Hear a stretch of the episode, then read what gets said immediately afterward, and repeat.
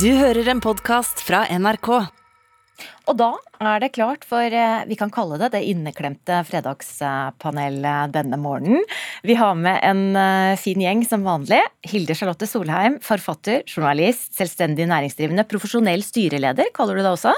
Ja, på den måten at det er det jeg gjør. Jeg sitter mest i styrer, Ja. så jeg er frilans. Men eh, ikke nødvendigvis flinkere enn andre, men det er ikke noe annet jeg gjør mer av. Det er bra. Og så har vi redaktør for studentavisa ved Universitetet i Oslo, Universitas. Norges største universitetsavis. Eh, Også her, Endre Ugelstad Aas, velkommen. God morgen. Ja, Var det greit at det var den største? Eh, ja, men kan jeg si at Vi hører jo ikke bare til Universitetet i Oslo. Vi dekker jo eh, alle lærestedene i, i Oslo. Ja. Ja. Og så har vi med oss fra Østfold Carl Fredrik Tangen, samfunnsgeograf tilknyttet Høgskolen Kristiania. God morgen. God morgen. Vi eh, tror vi skal bare eh, gå rett i gang, ja, og vi starter med litt musikk i dag. Såkalt apropos. potet. Ta gjerne fire til åtte til alle. Ja, ta en potet. Stek dem og kok dem og spis gjerne skallet, men ta en potet. Ja, dette her var kjente toner. Eh, og det er altså en som har vært litt eh, opptatt av poteter denne uka her. Eh, det ble kjent gjennom VG at en av representantene på Stortinget har sendt en klage på Stortingsrestauranten. Han har sendt det til Brukerrådet, som er et slags elevråd på Stortinget, med en representant fra hvert parti. Og her etterlyser vedkommende mer tradisjonsmat på menyen i denne stortingsrestauranten. Mer poteter, de skal gjerne være skrelte, og ikke så mye hipt som de serverer i dag. Og vedkommende vil også gjerne ha litt øl på menyen. Og den misfornøyde parlamentarikeren, som er anonym for øvrig, og som sier at han eller hun har støtta flere, setter opp flere punkter på en liste som han har sendt til dette brukerrådet, og klagen skal opp til debatt eh, i juni. Det første spørsmålet til panelet i dag er de folkevalgte for kravstore her? Hvis vi begynner med damene, Hilde Charlotte Solheim. Nei. Endre? Ja. Carl Fredrik Tangen? Nei. Her hadde vi altså litt eh, friksjon i gruppa med en gang. Det er veldig bra. Eh, eh, Hilde Charlotte, hva mener du om dette? Først og fremst, hvis jeg skal være litt seriøs, jeg er juryleder for en kåring som heter Årets lokalmatgründer. Jeg har jobba med norsk mattradisjon lenge. Og kantinemat i Norge er jo gjerne dårlige halvfabrikata versjoner av søreuropeisk mat. Så jeg syns jo at enkel norsk tradisjonsmat, altså husmannskost, eh, syns jeg det er helt rimelig å si at Stortinget kan ha en del av. Og så vil jeg bare si da at skrelte poteter, sånn som du får i kantine, det er jo djevelens verk. Det er jo et grusomt produkt som har ligget på lake. Så dette er ikke noen gourmet. Jeg blir veldig deprimert hvis jeg får det. Ellers så mener jeg, bare for å si det sånn, at etter at du er sju år, så er det én gang i året du kan kreve ferdigskrelte poteter, og det er til julemiddagen. Ja, julemiddagen. Men du eh, går altså for tradisjonsmat, gjerne mer av det, men, eh, ikke, men da med skrelte, ikke skrelte poteter. Altså, Jeg vil jo ikke anbefale ferdigskrelte poteter, og jeg tror ikke Stortinget har lyst til å betale noen for å stå og håndskrelle mandelpoteter. For hvis du prøver å koke de, så står det også stikker i de. Ikke ferdig, ikke ferdig, ikke ferdig. Overkokt. Ja. Sånn at dette her blir jo et industriprodukt, og det er ikke god mat.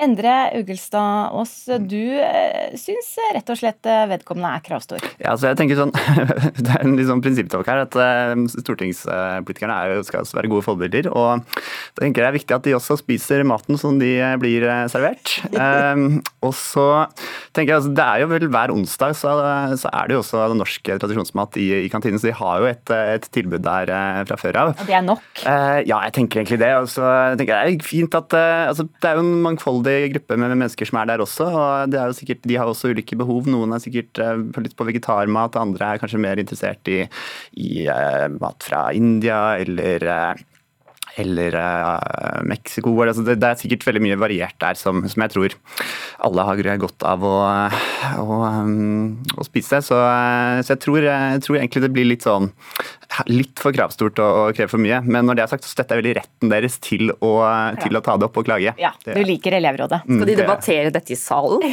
Det skal, det skal altså opp i brukerrådet. Eh, Stortinget har et brukerråd. Du, Vi må få med Tangen. Carl Fredrik, du var jo enig med Hilde Charlotte Solheim her. Ja, jeg tror ikke det er så strategisk lurt for dem å ta den diskusjonen nå. Det er jo, gir jo noe greier til ulvene. Um, men jeg syns det er fint at de diskuterer hva slags mat som skal spises på jobben i Norge. Og, de ansatte, og hva slags rolle de ansatte skal ha, liksom, eller bruk, brukerne skal ha um, i det. Så jeg, jeg, er glad for diskusjonen. Og så tenker jeg at Stortinget bør liksom representere Norge på flere måter enn uh, ved at det skal være representativt uh, hvem som er der. Så det syns jeg er helt greit. Ja, Du er jo altså på Høgskolen Kristiania. Hvordan er uh, kantinematen der? Den er ålreit når du begynner å spise, men jeg, jeg blitt litt lei. Jeg syns jeg lukter den, liksom den samme kantina. Så det er kanskje andre krav jeg ville kommet med enn at det skal være norsk tradisjonsmat. Det skal være litt variasjon, f.eks., eller noe sånt. Men ja. Um, ja. Nei, men takk. Det var litt uenighet i gruppa, og det er veldig bra. Vi vet jo ikke hvem eh, det er foreløpig, som altså vil ha mer poteter. Eh, men nå Nei, jeg vet ikke. Men nå skal vi over til noe vi vet om en annen som sikkert ofte har spist en del i stortingsrestauranten, nemlig finansminister Trygve Slagsvold Vedum. Han har eh, også vært ute denne uka, antagelig da ikke for å etterlyse poteter, eller det vet vi ikke, men han har i hvert fall kritisert forgjengerne sine. Han vil nemlig rydde opp i pengebruken her til lands. Han mener Solberg-regjeringen satte i gang altfor dyre og unødvendig det han kaller jålete byggeprosjekter under sin regjeringsperiode. Arven etter Erna Solberg er at det er byggeprosjekt etter byggeprosjekt som er mye dyrere enn det man hadde planlagt. Det vi kaller dekadente prosjekter. Litt jålete. Ja, det er kommet mange nye signaturbygg, særlig i Oslo de siste åra. Og er det jålete? Vi starter nå med Carl Fredrik Tangen. Ja eller nei? Ja. Endre? Nei. Og Hilde Skjelte? Nei. Ja, vi må få eh, de tydelige ja her, eh, argumentene, Tangen.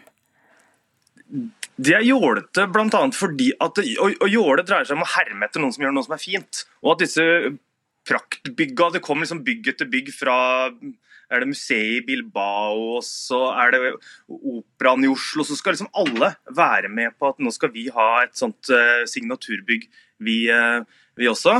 Men jeg syns kanskje det mest problematiske er at det er en slags sånn samtidsarroganse i alle de bygga, alle de tinga som foregår nå. Altså fra det blir 1990 og så bare noen få år uh, framover, så bygges så stor andel sånn i Oslo ut.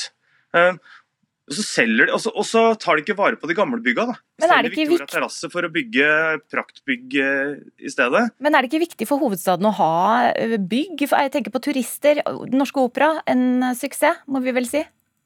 Ja, men da har du gjort det. Altså, kan du ikke ta suksesser, og så planker du dem, og så gjør du akkurat det samme en gang til, så vil du tro at det skal være den samme, den samme suksessen.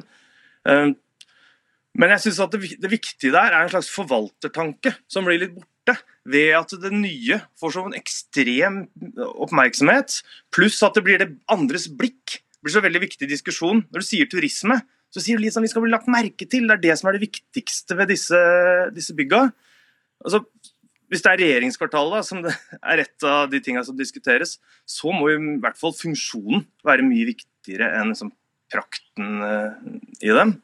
Endre Ugelstad Aas, du sitter og rister litt på hodet her. Nei, men jeg syns det er viktig at vi får noen flotte, altså moderne signalbygg i Oslo også. At det kan bidra å sette Oslo på kartet som en, eh, som en sånn større eh, nordeuropeisk eh, hovedstad. Og det har vi jo sett også i, i Stockholm og København, at man har sånn tilsvarende store, fine bygg, bygg der, som også er er moderne og, og flotte. Og så syns jeg det er litt rart den eh, Nå viste jeg kanskje at det ikke var nødvendigvis eh, disse akademiabyggene som, som var eh, så dekadente og, og jålete. Han har i hvert fall oppklart det da, til Adresseavisen. Men eh, altså i 2020 så var jo eh, Slagsvold Vedum og besøkte nye eh, veterinærbygget på Ås, og det kostet jo 9 milliarder eh, å bygge. Og der var det flygel i inngangspartiet og glassmalerier av Håkon Bleken, og det var til og med utstilte skjeletter i, i underetasjen. Eh, og hvis liksom et sånt prosjekt som går 7 milliarder da over, eh, over budsjettet, ikke hvis ikke det er jålete, eh, så, så, skjønner jeg liksom ikke helt hvorfor disse byggene i Oslo da skal, skal være så, så jålete. Mm, Solheim, du syns heller ikke det er jålete? Nei, jeg jobber jo med kultur, og det er klart at det er, det er ikke optimalt at noen av nasjonens viktigste kulturbygg kommer på så tett, kort tid. Det hadde sikkert vært greit å spre det litt utover, men vi har jo dytta det foran oss. Vi har ikke hatt en skikkelig opera. Vi har ikke hatt en skikkelig nasjonalmuseum. Og vi har jo ikke hatt uh, evnen til å skjære igjennom og beholde det gamle. Der jeg er enig med Carl Fredrik, men at vi trenger et skikkelig nasjonalmuseum som ikke Det var for smått da vi flytta inn i det, det gamle, det samme som Nationaltheatret. Hadde samfunnsøkonomene bestemt, så hadde jo ikke amerikanerne bygd ut eh, jernbane. Vi hadde ikke hatt, hatt Bergensbanen i Norge. Det var jo et veldig stort løft. Så at vi nå, på vår mest oljerike epoke, gjør noen nasjonale løft, det syns jeg er riktig og viktig. Ikke bare pga. arkitekturen. Det er ikke sikkert at jeg skal forsvare hvordan vi har gjort dette, men pga. innhold og areal og det som skal skje der. Så det at vi har kosta på oss dette nå, det syns jeg er vel og bra. Mm. Og så er jeg for kostnadskontroll, ja. ja. Vi må videre, Tangen, eh, dessverre. Eh, siste spørsmål ut i dag. Det skal dreie seg om dataspill eh, og barn. For har du spilt mye dataspill som barn, så kan det være at du har fått et fortrinn i livet. Det viser en studie fra Karolinska institutt i Sverige. Barn som spiller dataspill kan være mer intelligente enn andre barn. Studien har sett på ni- og tiåringer og målt intelligensen deres. De har så blitt fulgt opp etter to år for å se hvilke hvilken effekt det har hatt. Og man har altså funnet en liten, men pålitelig effekt. Eh, her er Torkel Klingberg, en av forskerne bak studien til Sveriges Radio. De som spilte med dataspill enn gjennomsnittet, de forandret også sin intelligens mest fra første til andre tidspunkten. Ja, Endre Augelsås, er dette gode nyheter? Eh, ja. Hilde Charlotte Solheim? Ja. Ja, Da må vi ha med også Carl Fredrik Tangen. Eh, ja, men nei. ok, det går jo bare en ny variant. Vi starter med deg, Endre. Uh, altså jeg kan ikke helt skjønne det at det der med at barn spiller så mye dataspill i dag, at det er noe, noe nytt. For Jeg husker jo når jeg var uh, ung for, uh, for 20 år siden, i den alderen som du viste til i den undersøkelsen her, så satt jo jeg og spilte uhorvelige timer med, med Gameboy og Pokémon. Liksom. Du er veldig intelligent. ja, forhåpentligvis. Det har i hvert fall gått sånn tålelig greit. Så, så ja. men jeg, jeg, tror det er litt, heller litt viktig at, at foreldrene blir litt mer engasjert i det, de spillene som barna faktisk spiller. Eh, og få litt mer kunnskap om det. For det er jo eh, eh, det var liksom 55% av foreldrene er bekymret for, at, for tidsbruken og, og, at det ikke er sosialt nok. Men, men, så er det jo faktisk sånn at de, de lærer mye om samarbeid, tålmodighet, problemløsning, og, og, det tror jeg kan være positivt så lenge man liksom, ja, får satt mm. grenser. Da. Men Hilde Charlotte Solheim, nå sa jo Verdens helseorganisasjon nylig at det er viktig med mindre skjermtid for de yngste. Likevel så syns du det er gode nyheter her? Det er gode nyheter på den måten at vi får kunnskap. Eh, det blir litt sånn nerdenes hevn i forhold til hva vi rangerer. Jeg er jo jeger og fisker og syns det er veldig synd at barn ikke har motorikk og at barn ikke mestrer å være ute. Så jeg håper jo at det, det kommer litt idrett og litt annen aktivisering i tillegg. fordi det er også mye å si for hvordan hjernen din utvikler seg. Men det at vi vet at uh, det er forskjell på hvilken tid barn bruker på skjerm, heller dette enn å sitte og surfe på urealistiske bilder med filter på Instagram, liksom. Mm. Carl Fredrik Tangen, du hadde jo et interessant svar. Eh, litt begge deler. Få høre. Det er bra med tanke på min egen oppdragergjerning, tenker jeg innimellom. Eh, men jeg, jeg tror det som bedrives her, er en slags salg. Og han fyren som intervjuet, han driver jo også et sånt firma som selger software som skal være pedagogiske og hjelpe folk til å få bedre hjernekapasitet. Eh, og det er jo veldig sånn generelt så du, På samme måte som du sier at alt sånn, digitalt eller alt spill er gærent, så blir det ikke så klokt hvis du sier at uh, all dataspill uh, er bra. Mm. Jeg, jeg, jeg, er, jeg, tror det er ganske litt sånn ødeleggende for diskusjonen for eksempel, om hvordan skolen skal være, da, hvis det er her uh, det kommer inn. Ja. Så, så det blir en forlengelse av diskusjonen om iPad i skolen. Altså, Sånn at sånn der, den bekvemmeligheten som ligger i å bruke digitale hjelpemidler, framstår som mye riktigere å gjøre. Ja, det er siste, garantert ikke siste ord sagt eh, om akkurat dette temaet her. Jeg er veldig fornøyd med gruppa. Mye friksjon i dag, syns jeg var bra. Takk skal dere ha alle sammen. Hilde Charlotte Solheim, eh, Endre Ugelstad Aas, og at du også var med oss, eh, Carl Fredrik Tangen. Du har hørt en podkast fra NRK.